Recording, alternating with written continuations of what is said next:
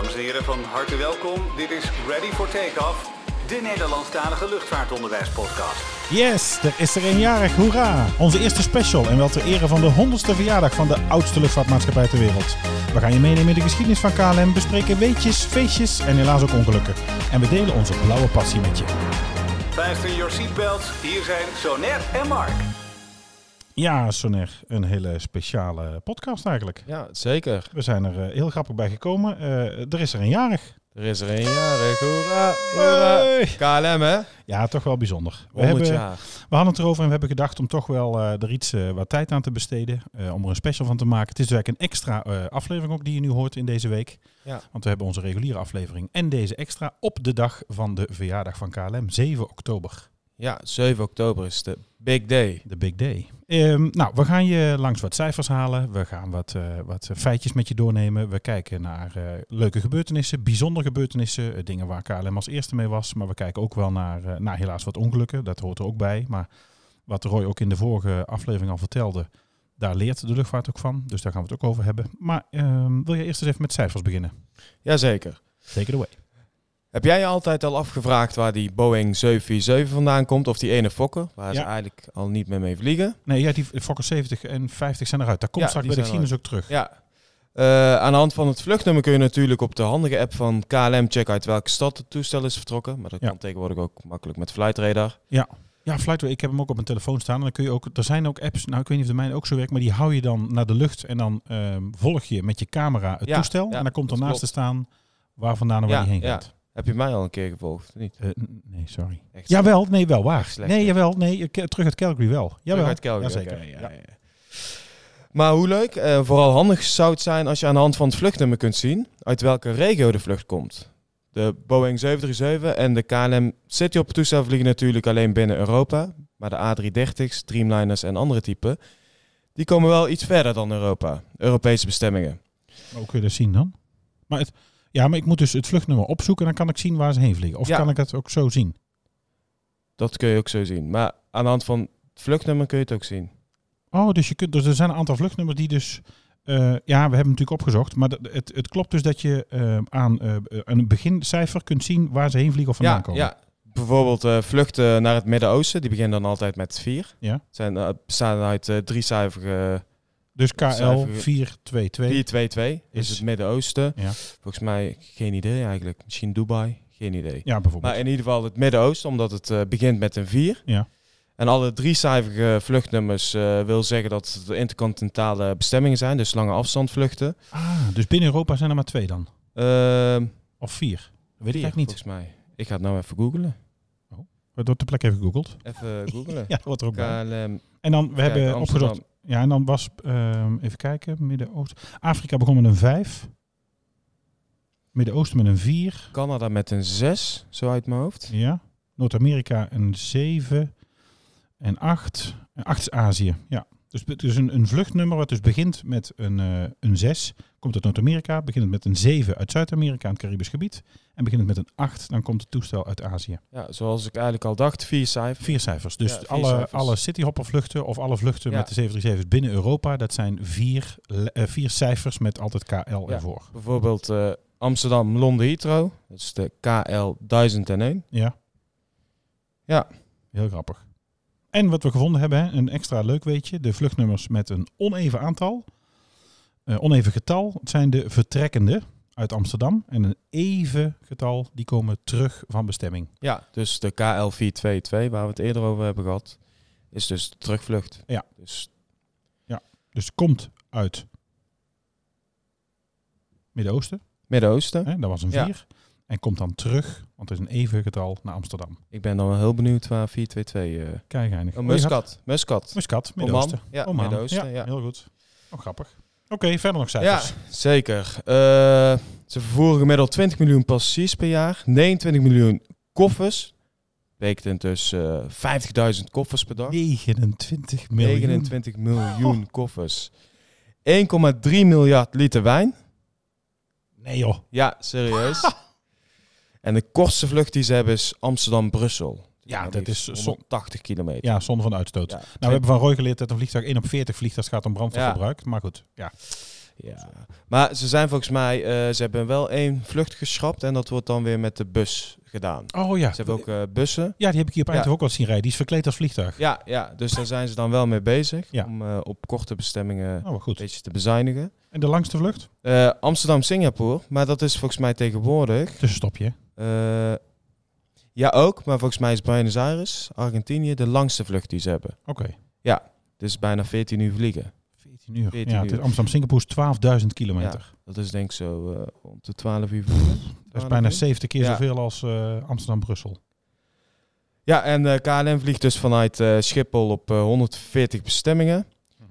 Ze hebben 120 toestellen, dus dat is alleen de toestellen van de grote KLM. Ja. Dan heb je ook nog KLM Cityhopper, dus de dochtermaatschappij. Zijn het nu alleen maar Embraers meer?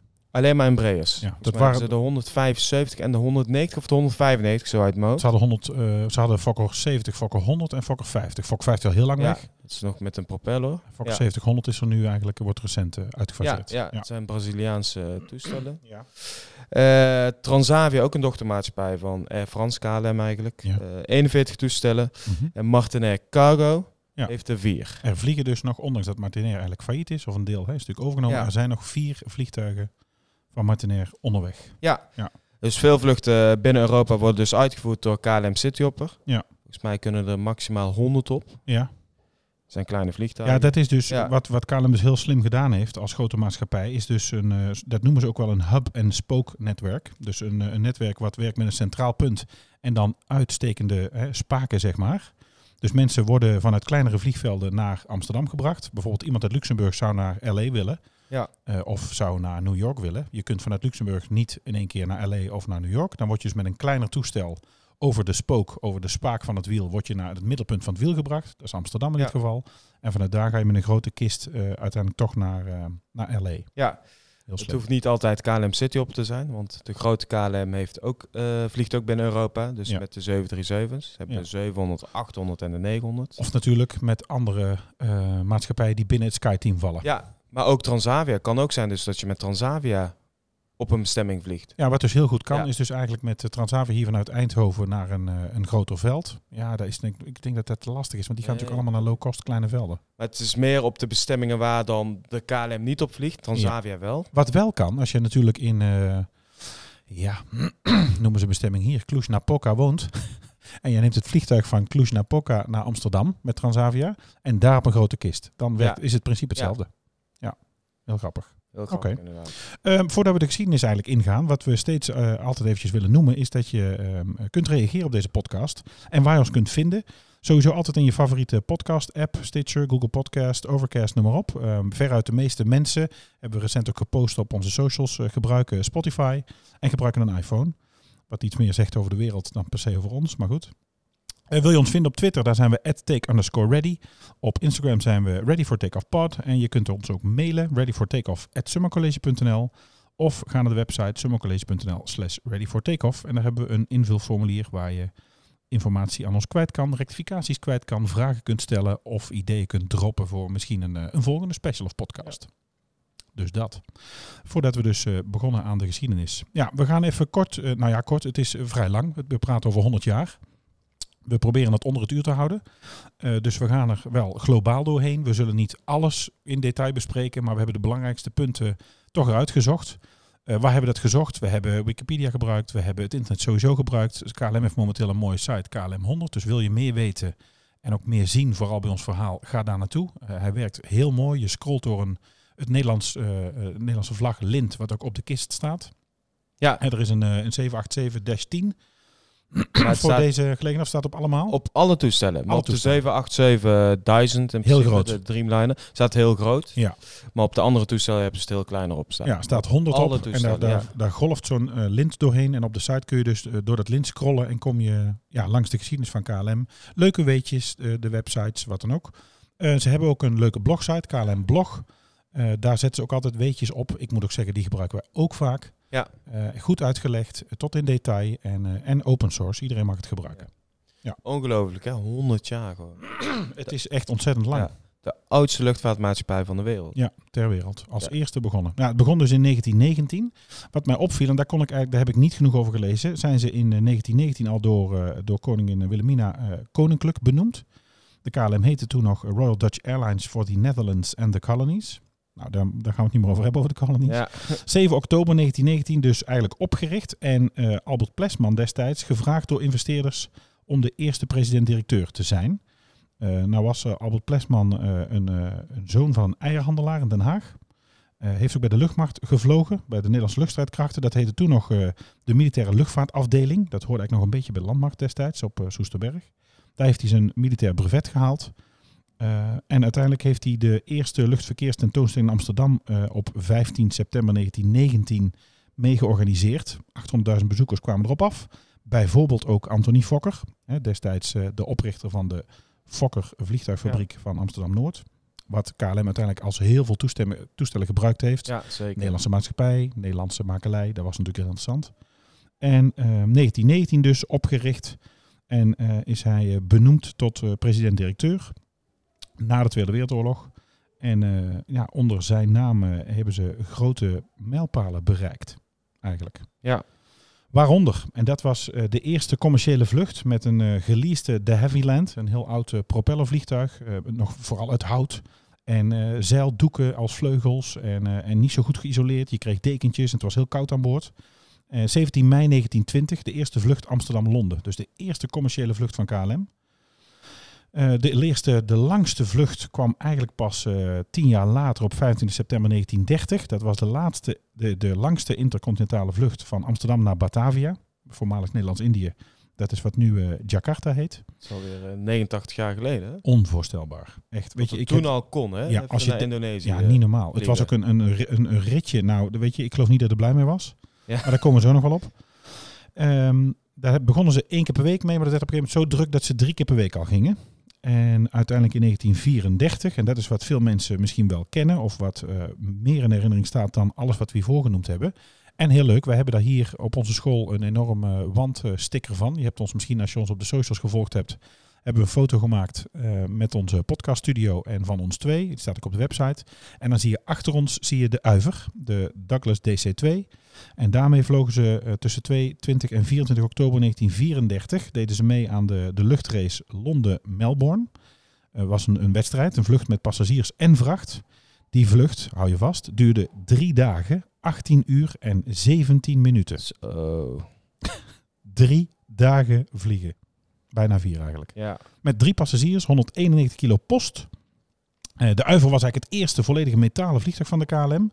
Eh, vandaar dus, hè, wat ik zei, die, die Havilland, dat was nog eh, hout en stof. Dit was het eerste metalen vliegtuig. Een vlucht dus van drie dagen, 18 uur en 17 minuten. Als je dus diezelfde afstand vergelijkt nu, ik heb dat even opgezocht, Londen-Melbourne, daar doe je in 2019 in totaal 21 uur over. ja. Dus dat is nog dat niet eens een dag. Het is niet eens een dag inderdaad. Ja. Als het allemaal goed gaat. Die, ehm, ja, die uiver, dan komen we eigenlijk bij het eerste ongeluk. Dat komt eigenlijk later pas, maar dan moeten we toch doornemen. 20 december 34, dus dat was eh, krap twee maanden later, stort eh, eh, de uiver neer. komende, ehm, even kijken, in Irak, onderweg van Amsterdam naar Irak. Of in ieder geval na het, weer door naar, naar bestemming. In Irak stortten ze neer. Oorzaak van de ramp is eigenlijk nog nooit, ja, niet zeker vastgesteld. Dus er waren slechte weersomstandigheden. eh, de eigenschappen van het vliegtuig natuurlijk heftig. Met zware turbulentie. Waarschijnlijk onervarenheid van de vliegers. En ehm, ja, dat snap je. Vermoeid. Ja. Hè, dan zie je wat Roy ook vorige week zei. Dat een, eh, een bemanning wel verder kan vliegen. Of dat je bestemmingen kunt, eh, kunt aandoen. Maar het hangt er helemaal af. Gaan we weg of niet? Hoe fit iedereen is. Hoe belangrijk dat is. Ehm, dus dat was, zal waarschijnlijk ook een, eh, een rol gespeeld hebben. En toen waren we dus ineens in één klap van de uiver af. Als je hem nu, je kunt hem zien. Volgens mij staat hij eh, op Schiphol Oost. Nee, dat is een eh, andere. Deze, nee, dat is geen. Is dat de DC9? Nee, dat is geen DC9. De uiver hebben ze natuurlijk nagebouwd. Ehm, en die staat volgens mij in het.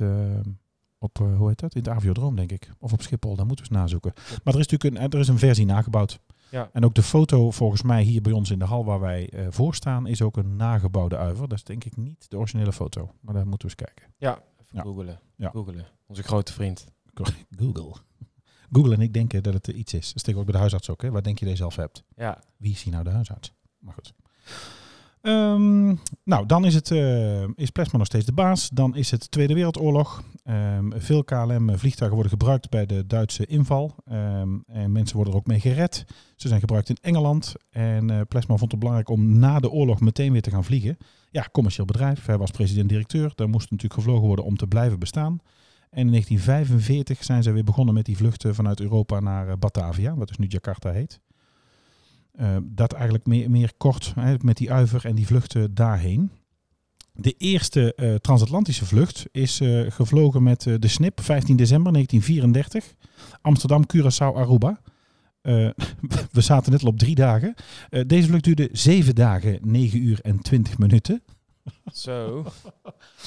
Deze vlucht is nu denk ik van deur tot deur Amsterdam, Aruba, uurtje of 12. Zoiets. Hè, zoiets. Korter. Nou, korter zelfs. 10 uur. Ik denk tien uur. Amsterdam, ongeveer, Curaçao. Ja. Dat was dus eh zeven dagen en negen uur. Ja, Zo. erg heftig. En dan wordt het heel interessant. Dat vond ik heel erg leuk om dat te vinden. 1935, de introductie van het cabinepersoneel. Toen kwamen de eerste stewards en stewardessen aan boord. Nou, vooral stewards. Het waren eigenlijk mannen. Het waren eh, ingenieurs. Het waren eh, technische mannen die uiteindelijk die, omdat de vliegtuigen beter werden, ze tijd over hadden, vluchten lang waren. Die, wat ik vorige week al zei, dat Mark Marie Huibrechts die koffiekarner-achtige activiteiten eh, over gingen nemen. en zij werden, zij werden eerst hofmeester genoemd. En eh, kort daarna volgden een aantal dames en kwamen de eerste stewardessen. En zo eh, zijn ze begonnen met een, eh, met een klein groepje. En inmiddels zijn jullie met 10.000. 10.000 man. Nu is Ja. het net andersom. Hè? Je hebt veel meer vrouwen dan mannen. Heel Ja. grappig eigenlijk. Heel grappig inderdaad. Ja. ja. Daar heb ik nooit over nagedacht, wist ik niet. Dan 1946. Eh, de eerste Europese vlucht naar New York. 1950 had de KLM het netwerk al wel uitgebreid naar Zuid-Amerika en Afrika. Ehm, en ze vervoerden in 1946 al 350.000 passagiers. Nou, wat zeiden we net wat het nu is? 20 miljoen? 20 miljoen. Ja. Ja, er is toch wel wat gebeurd met die maatschappij. Zeker. Onvoorstelbaar zeg. Onvoorstelbaar. Ja, 1946. Eh, 1950, dus naar, eh, naar Zuid-Amerika, Afrika. En dus in 1950 al naar, eh, naar New York. Ja. Ja. Ehm, in 1953 overleed eh, Plesman en kwam er een andere directeur. In 1958.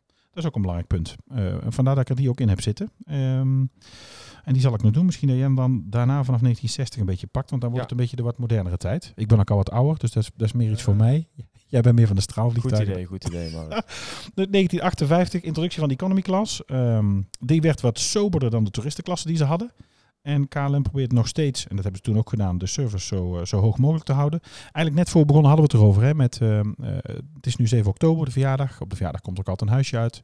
Eh, dat delen zij natuurlijk uit als unique selling point. Mensen komen daarvoor terug. Het is Ja. een onderdeel van het, het, het Customer Relations Management Systeem, eigenlijk zoals dat heet. Daar komen we ooit nog wel eens op terug, denk ik. Het maakt mensen terugkomen. Het doet mensen terugkomen en het, het is een, een iets van vraag en aanbod. Ja, dat, dat hebben ze natuurlijk altijd heel slim gedaan. Ja. Terwijl natuurlijk, er zijn best maatschappijen die een hogere servicegraad hebben, durf ik te zeggen. Ik denk als je met Etihad vliegt, met Emirates vliegt, met Zeker. nou, Oosterse maatschappij, dat, dat wat je krijgt en hoe de service eruit ziet, ja. ja, laten we zeggen, luxer is. ja dat, dat is zeker ook zo. Maar goed, zij KLM is dan beter in de blauwe kleur, de naam, de- het gevoel en dus Maar huisje meegeven. een huisje meegeven inderdaad. En ook Ja. gewoon een praatje kunnen maken met de steward of stewardess. Ja. Dit is gewoon veel persoonlijker. Meer contact. Ja, veel meer contact. Ja, wat heel grappig dat is, maakt want het verschil denk ik ook. Ja, en ik denk dat als je nu eh, naar onze podcast zit te luisteren, dan zitten we in je oor. Het is heel persoonlijk, het is heel intiem. En je hebt ook wel radiomakers gehoord over dat je, eh, waar je voorheen op de radio, moest het allemaal flitsend en knallend en hou hem hard, hou hem hier en mega klappers en jingles. En tegenwoordig is het meer contact maken, mensen laten reageren in de Ja, studio. ja, en, eh, ja. vandaar dat we ook aan het podcasten zijn. Oké, dan hebben we eigenlijk zo'n beetje wel die tot 1960, 1958, dan hebben we eh, de propellertijd overleefd. We zijn van een canvas vliegtuig met hout naar, eh, langzaam naar metaal gegaan. We Ja. zijn, en nu gaan we langzaam van eh, propellervliegtuigen naar moderne motoren. Ja, 25 maart 1960, de introductie van de straalvliegtuigen. Eh, begin van het tijdperk van de straalvliegtuigen bij KLM met introductie van de Douglas DC-8. Ah, Dat is denk ik dan die kist die nu op Schiphol staat. Maar dat, dat, ik, dat is echt nu een gok. Maar- Want die uiver, dat is denk ik nagebouwd. Die DC-8, die staat nog gespoten in oude KLM-kleuren. Daar vliegt volgens mij een historische vlucht mee vanaf Schiphol-Oost. Maar de- ah, terwijl jij vertelt, zal ik googelen. Doe dat maar even. Op die dag eh, landt de PHDCA, dus ook met de naam eh, Albert Plesman op Schiphol. Oh, Door deze toestellen met vier straalmotoren wordt de vliegtijd flink korter en neemt ook het aantal tussenstops fors af. Vanaf dat moment is men eh, geen dagen meer onderweg, maar slechts uren. Het nieuwe toestel vliegt op de route naar New York en halveert hiermee nagenoeg de vliegtuur. Volgens mij is nu de vliegtuur naar New York ongeveer 7 uur. Ja, zoiets hè. Ik heb gevonden, die DC-8 was al een straalvliegtuig, dus dat is niet wat ik bedoel. Nee, want dat is nog een propellervliegtuig hè, waar ze nog mee vliegen. Dat is dan toch denk ik een, na, een, een nagebouwde uiver. Oh, echt alle vliegtuigen. Bij mensen die dit zitten luisteren worden nou knettergek en Ja, zitten nu... Iedereen zit in de auto naar de box te schreeuwen. Sorry, sorry. Maar we zoeken het uit. Ja, we zoeken het uit. 16 oktober 1975, de invoering van de Boeing 747-300 Combi. Iedereen kent hem wel, de Jumbo Jet, zo wordt hij ook wel genoemd. Ja. De Queen of the Sky. de Gaat Queen of the uit? Sky. Ja, hij gaat 2021 gaat hij eruit. Ik vind het echt een prachtig toestel. Ja, het blijft natuurlijk heel motoren. bijzonder. Weet je, ik vind het mooier, als ik eerder eerlijk ben. Het is natuurlijk machtig om zo'n A380 te zien, zo'n dubbeldeks vliegtuig. Maar ik vind die, ja, die bult eh, bovenop echt fantastisch. Ja. Ook als je kijkt naar eh, hoe dat destijds werd gebruikt in, ehm, in reclames. Eh, ook de, de, met het hub-and-spoke netwerk, maar ook dus de koppeling met NS. Dat je dus zo'n ehm, zo'n intercity met zo'n bult bovenop.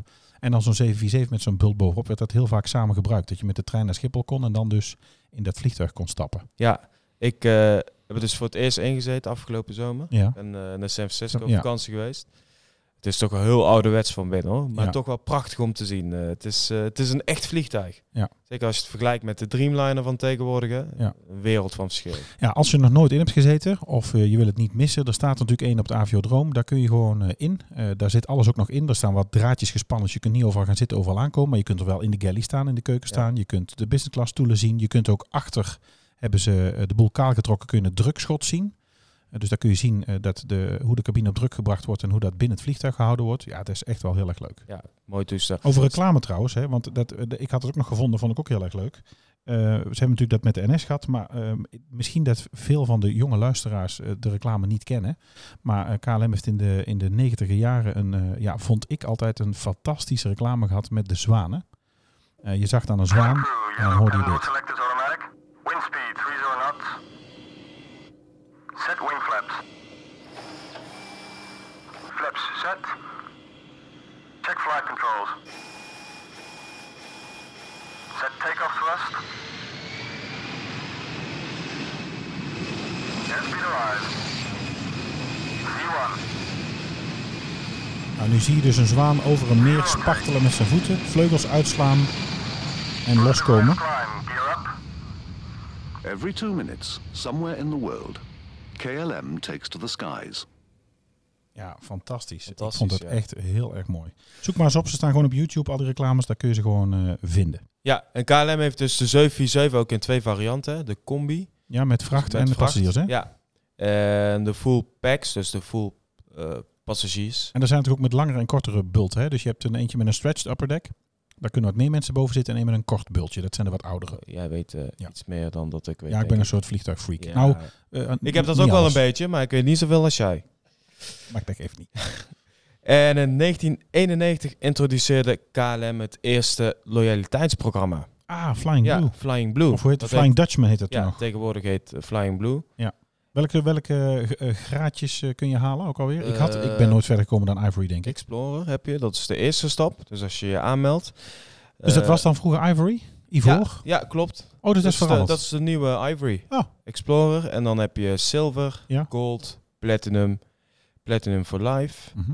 Je hebt ook nog de Skipper 2000, eh, de Ulti eh, passagiers. Nou, volgens mij kunnen we hier een aparte uitzending aan wijden. Ja, zeker. Zullen we, is wel, dat ontstaat nou ter plekke hier. Eh, laat even weten, reageer op de socials of mail ons. Maar zou het leuk zijn om bijvoorbeeld eh, een aparte aflevering te maken over loyaliteitsprogramma's en bijvoorbeeld zoiets als de KLM huisjes? Laat het Ja. even weten. Kunnen we dat misschien wel organiseren. En in 1993 begon KLM samen te werken met de Amerikaanse Northwest Airlines. Samen Oh, gingen ja. ze vluchten uitvoeren tussen de Verenigde Staten en Europa. Ja. In 2003 ging KLM fuseren met Air France. Mhm. Oh, dat was nog niet overgenomen toen, hè? Nee. Dat was fusie. Nee, dat was gewoon de fusie. Is daar SkyTeam ontstaan destijds? Eh, ja, dat klopt. Ze werden toen allebei lid eh, van het SkyTeam. Ja. Eh, een, een luchtvaartalliantie, hè? Dat zijn, eh, volgens mij in 2000 opgericht. Daar zitten 20 leden in. Volgens mij wel, ik zal eens even kijken. Ga jij eens even googlen. Maar. Ja, doe ik dat. Ja. En in 2008 ging Northwest Airlines samen met Delta Airlines. Dus Mhm. nu nog steeds een eh, partner hè, van eh, KLM. Ja. Delta dan. Noordwest bestaat niet meer. Nee. Een hele grote KLM-partner.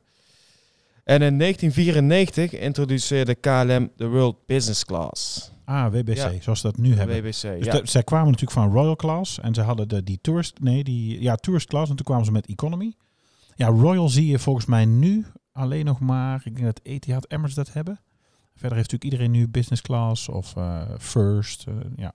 Oké. ja, Ik heb het trouwens gevonden, die, ehm ehm eh, de, de Sky Team. vertel. Inderdaad, 20 leden. Opgericht, opgericht 22 juni 2000. Eh, daar zitten in Aeromexico, Air France, Delta Airlines en Korean. Zij zijn begonnen als eerste. Toen kwam er in 2001 Czech Airlines en Alitalia bij. Eh 2004 eh, KLM, eh, Northwest en Continental. Continental is inmiddels overgenomen.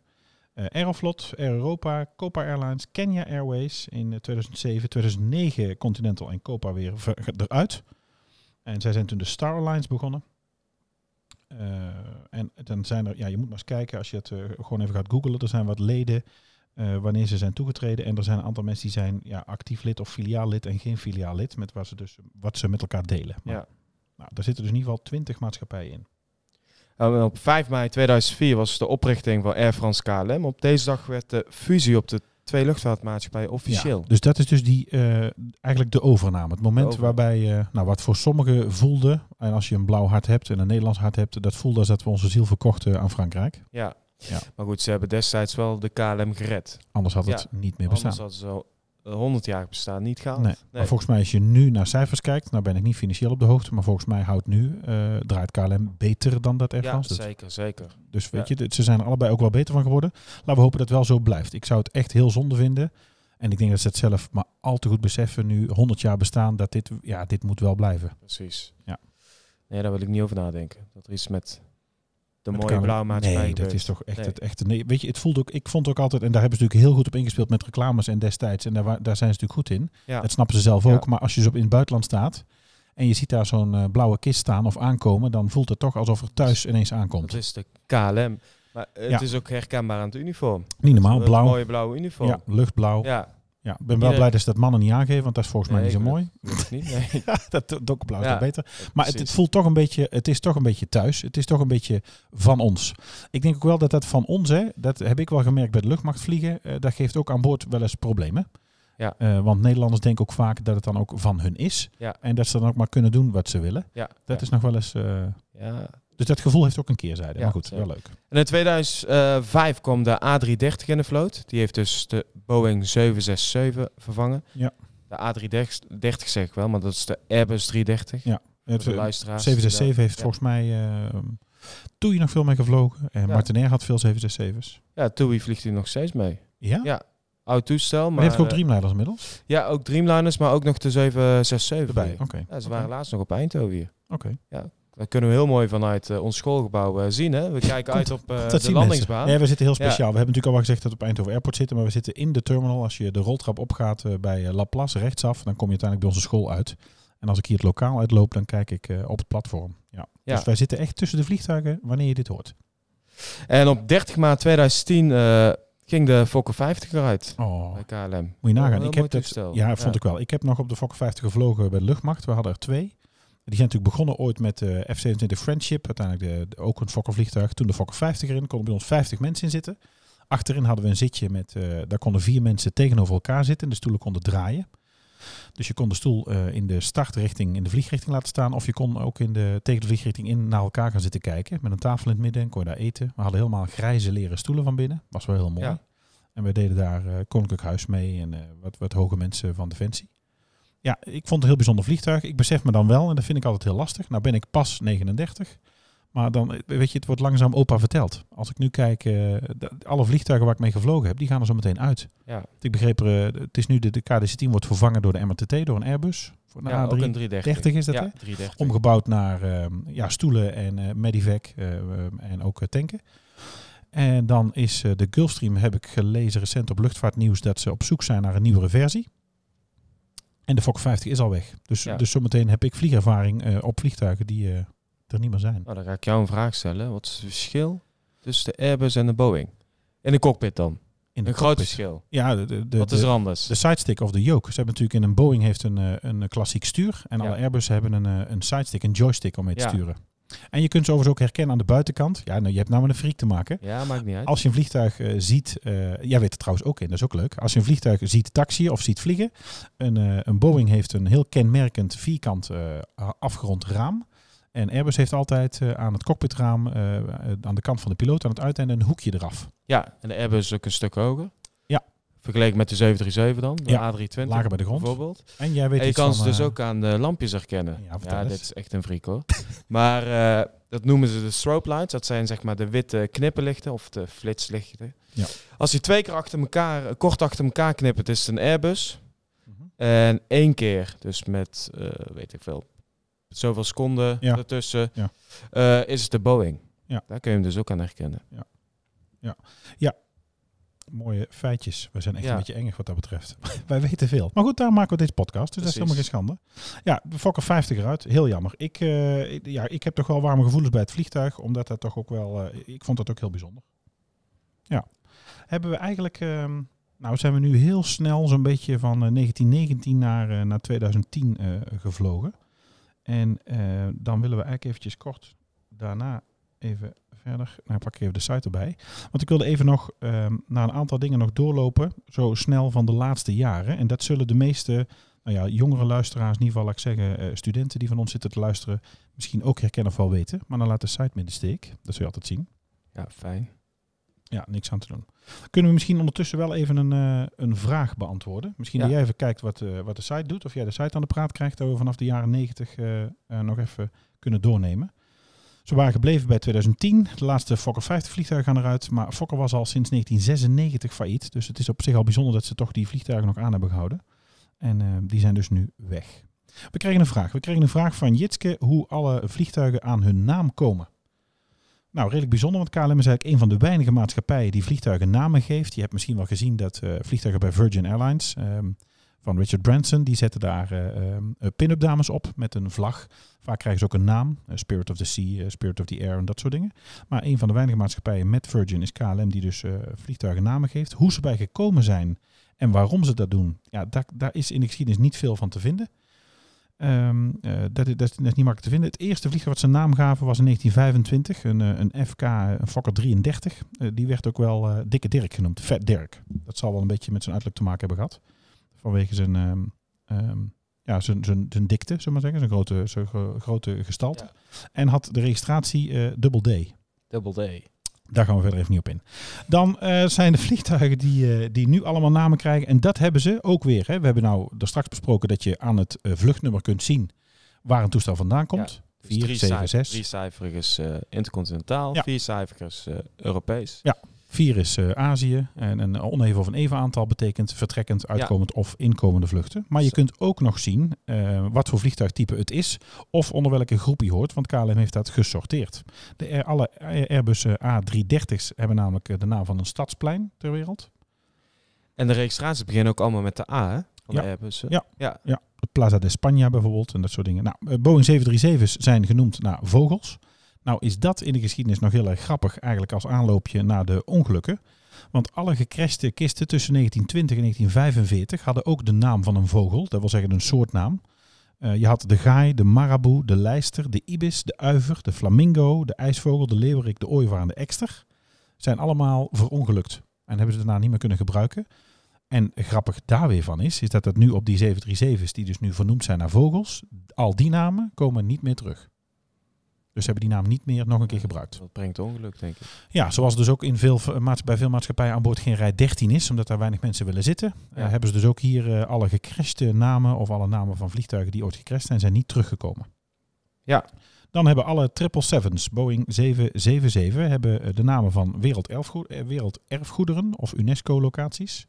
De 747's zijn vernoemd naar wereldsteden. De 747 vrachtvliegtuigen zijn vernoemd naar VOC-schepen. Eh, dan de 787-9's eh, en de Dash 10's Dreamliners zijn vernoemd naar bloemen. Ja. Dan hebben ze de continuïteit niet doorgezet eigenlijk, want de eh Cityhopper vliegtuigen, alle Embraers, hebben geen eigen naam. En nog een uitzondering op de soort, want eigenlijk hebben de 777's dus namen van werelderfgoederen of UNESCO-locaties. Maar de Papa Hotel Bravo Quebec Alpha, de PHBQA, heeft de naam van Albert Plesman. Een van de medeoprichters en eerste president-directeur, zoals we al vertelden. Dus dat zijn in ieder geval de namen van eh, vliegtuigen. Ja, en wat, wat heb je dan voor namen als je kijkt? eh, die 777 inderdaad, eh, Albert Plesman, eh Borobudur, Ferrara City, Galapagos-eilanden. Bij de 747 heb je City of Atlanta, City of Bangkok, City of Guayaquil, City of Jakarta. Dat is weer dat Batavia waar ze naartoe gingen. City of Seoul.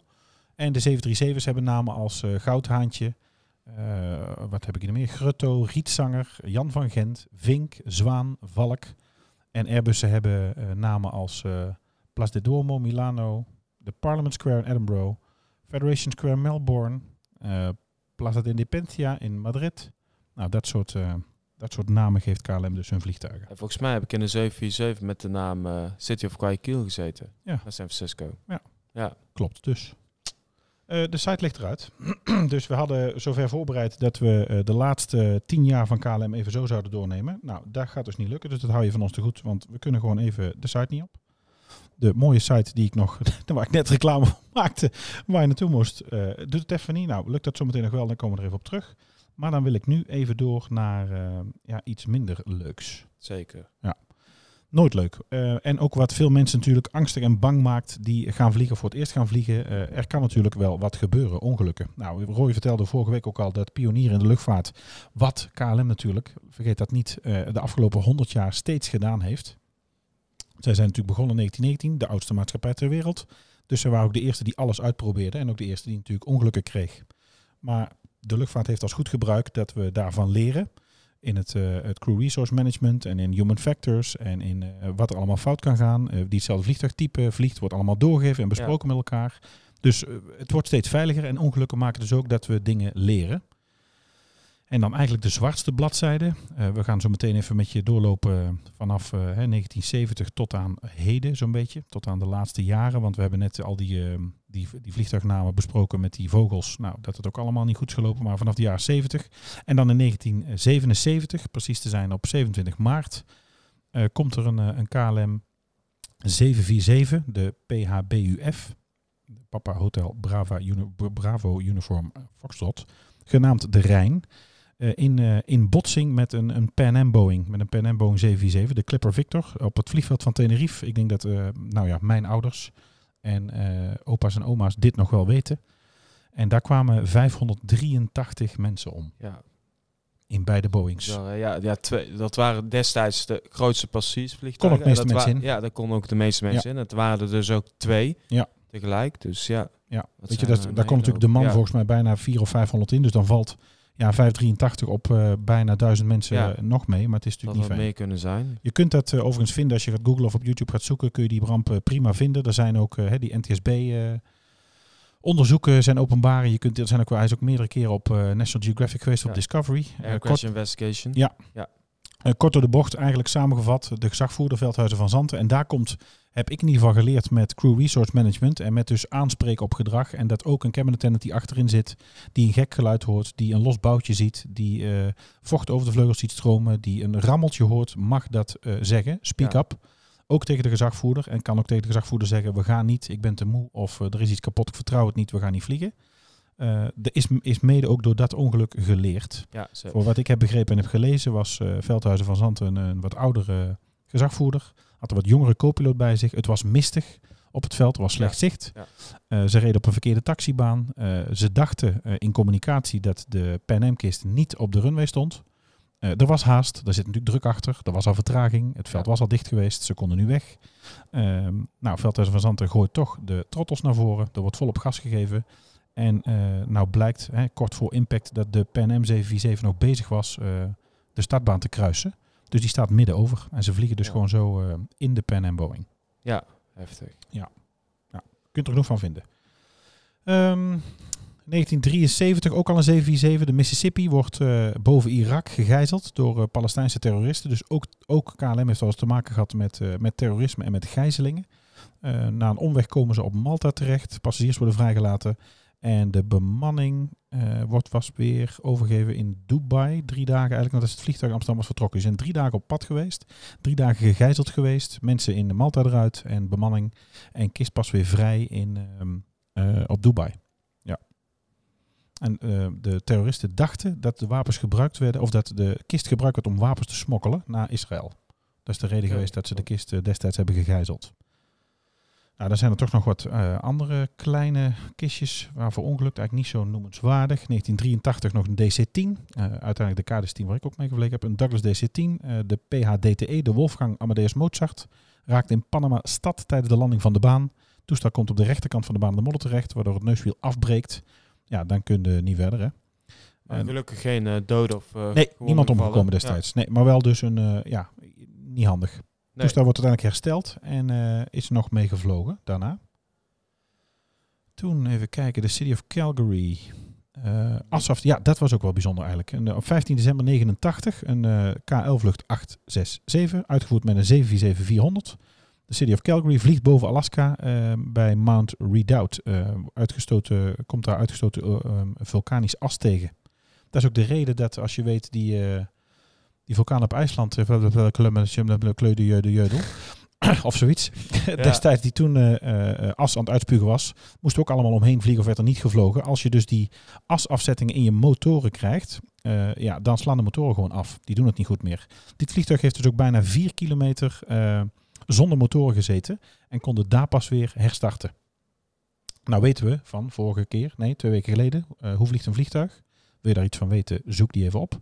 Eh, dat, we nog een, eh, ja, dat we nog een 120 of 150 kilometer eh, kunnen zweven. Dus op zich hè, is het hier dus ook het bewijs dat dat goed is gegaan. Uiteindelijk is de kist geland op Anchorage en eh, niks aan de hand. Doe jij de jaren 90 even? Jaren 90. In, op 15 augustus 1993 is een eh 747 eh, boven Düsseldorf gekaapt. Ah, weer een kaping. Weer een kaping. De passies eh, werden dus in Düsseldorf weer eh, vrijgelaten, gelukkig. Eh, even kijken wat er met de bemanning is. Oh, de kaper werd dus overmeesterd door de Duitse politie. Oké, Dus goed afgelopen. goed afgelopen. Ja, en dan de volgende die ik zag staan, dat heb ik gezien. Ik kan me daar nog foto's van herinneren. KL433. eh daar vlucht, wat toen een cityhopper, een Saab. Eh keer terug vanaf Schiphol met motorproblemen. Land op de Kaagbaan, daar verloopt niet goed af. En die heb ik dus ook nog in de modder eh, zien liggen. En daar zijn helaas wel drie doden te betreuren. Waaronder de gezagvoerder van het eh, toestel. Dat lag er echt een beetje scheef slecht bij. Was geen fijn gezicht. Ja, dat snap ik. Ja. Dan gaan we door naar de jaren 2000. 28 november 2004 bij het landen van de PA-BTC. Een Boeing 747. In Barcelona raakte het toestel van de baan. Het werd veroorzaakt door, iets, door een gedraaid neuswiel. Dat de neuswielbesturing blokkeerde. Er stond dwars op de baan, zeg maar. Waardoor je dat niet kunt sturen. Ja, ja. Het toestel raakte ernstig beschadigd aan de linkervleugel en motor. De piloten slagen erin om het toestel veilig tot stilstand te laten komen. Bij het incident raken vijf mensen gewond. Dat valt op zich ook nog wel mee. Ja. Er zijn dus geen doden gevallen. Zo'n groot vliegtuig. Gelukkig, ja. Ja. Jaar eh, ja, in 2010, 10 februari 2010, een Boeing 737-300 met bestemming eh, Warschau. Ja, daar hadden we het laatst over, hè? Dat was met die Transavia kist recent ook gebeurd. Ja, die was dus vertrokken vanaf de taxi-trek. vanaf de taxibaan. Ja. Toch grappig dat je, dan zie je, nou, staan we natuurlijk te verkondigen, we zeggen zelf zo 2010, en dan zie je nu 2019 dat het ook nog gebeurt, eh, dat we ervan leren. Ja, dat dit dus toch nog wel een beetje gebeurt. Ook in 1970 met dat kruisen van die startbaan, met die, en dan dit ook weer. Ja, het is toch, ja, Ja. lullig- ongeluk. Precies. En in 2016 eh, heeft eh, een eh, Embraer 190 van KLM Cityhopper eh Ja, die is tegen bijna. een uh, Donier aangebotst. Ja, bijna hè. Het oh, is niet bijna. gebeurd hè. Oh, nee. Dus dat is leuk dat ze dat natuurlijk noemen met een ongeluk. Weet je, er gebeurt natuurlijk, er- ja, weet je, in ieders werk gaat iedere dag wel eens bijna wat fout. Maar het is natuurlijk niet, eh, ja, weet je dat dit erbij staat. Ik snap het, maar er- het is natuurlijk niet fout gegaan. Nee. Dus je eigenlijk kijkt, het laatste ja, rampzalige waar het echt fout ging, is, eh, is negen jaar geleden, is bijna tien jaar geleden, februari 2010. Hè, dus het laatste dat er een keer echt wat fout ging bij de KLM, die 2016 is een, eh, ja, ja, bijna. Nou goed, het is communicatiefout en met de dat is slecht, maar eh, ja, tot die tijd is er niet veel, eh, niet veel fout Ja, gegaan. het is een van de meest veilige luchtvaartmaatschappijen. Ja, vliegen is Ja. natuurlijk de meest veilige manier van vliegen. Volgens mij eh, is het zo dat, ehm, wat was het ook alweer? Ik denk dat de reizen met een, de veiligste transportmiddel ter wereld, ik denk dat het vliegtuig bovenaan staat, dat de lift op 2 staat. En ik denk dat... Lift eh, op twee, ja? Ja, lift, ja, ondanks dat mensen daar ook Ja. natuurlijk heel veel bang voor zijn en dat het ding vaak blijft, of dat het, dit- nou vaak, dat hij kan blijven hangen. Ik heb het ook wel eens gehad, ik kreeg het ook heb redelijk benauwd. meegemaakt. Oh, ik, ja, Ik niet heb fijn. volgens mij een uur in vastgezeten. Oh. In Duitsland toen. Ja, daar zou ik, dat, het idee alleen al slaap ik slecht van. Eh, maar het is dus, eh, hij valt niet naar beneden. Weet je, je gaat er niet mee dood. Dat hij blijft hangen is eigenlijk, een, eh, als je het een liftmonteur vraagt, is een goed teken. Dan Ja. werkt het dus. En als hij dus kapot is en hij stort niet naar beneden, dat is natuurlijk ook de bedoeling. Dus Ja, eh, eigenlijk is dat niet zo, eh, niet zo gek. ja. Dus het veiligste is een vliegtuig, tweede is een lift. En ehm, dat zeg ik studenten ook wel eens, dat is niet zo aardig. Maar zometeen buiten stappen hier van school en naar huis gaan. De kans dat je geschept wordt door een vrachtwagen is 300 keer groter dan dat er ooit wat met je gebeurt als je in een vliegtuig zit. Ik zeg het ook al tegen de mensen met vliegangst. Daar moeten we ook nog even op eh, terugkomen. Hè? Vliegangst. Ja. Gaan we ook nog een keer bespreken. Lijkt me goeie. Weet je, als het eh, onveilig zou zijn, dan had ik dat werk ook niet gedaan. Nee, maar moet ik je... heb ook familie en vrienden Ja. die ik graag wil zien. ja, en de, en Ja. de piloot ook. En de piloot ook. Die wil, die wil ook graag iedereen, ja. Ja. Nou, we, we willen niet in mineur eindigen. Het is natuurlijk nog steeds, eh, het is nog steeds feest. Het is we hebben nog steeds eh, alle reden om, eh, om feesttoeters af te laten gaan. Maar ja, die bedoel ik. Ja. Eh, dus om in ieder geval wel vrolijk te eindigen. Nou, we hebben je eh, gewoon eventjes nu in drie kwartier kort door de geschiedenis van de KLM eh, doorgenomen. Echt waar, als je het doet, is de, de KLM-site KLM100 echt heel leuk. Daar kun je heel veel vinden. Ik zou je ook adviseren om ehm, naar uh, blog.klm.com te gaan. Daar zit ook een leuke quiz trouwens, die heb ik ook even gedaan. Hoe goed ken je ons? Dan kun je punten halen wat je dus weet uit die geschiedenis. Laat me raden. Wat dan? Je hebt eh 100% Nee, nee, nee, nee, zeker niet. Zeker niet. Nee, ik had al wat dingen fout. Oh. Maar misschien wat wel leuk is als je nou dit geluisterd hebt, om zo meteen even die, eh, die quiz te doen. En misschien heb je van dit wel iets opgestoken. Hè? Zou leuk zijn. Ja.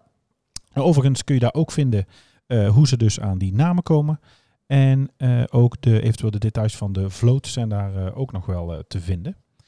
Ja, dat even dus een beetje van de KLM. Nou, ik denk dat we wel, ja, we hebben toch wel gezegd wat we er, hè, wat we er mooi aan vinden, wat onze, onze blauwe passie eigenlijk is. Ja, het Ja. heeft bij mij altijd tot de verbeelding gesproken. Ik heb er helaas nooit kunnen gaan vliegen, dat is er niet van gekomen.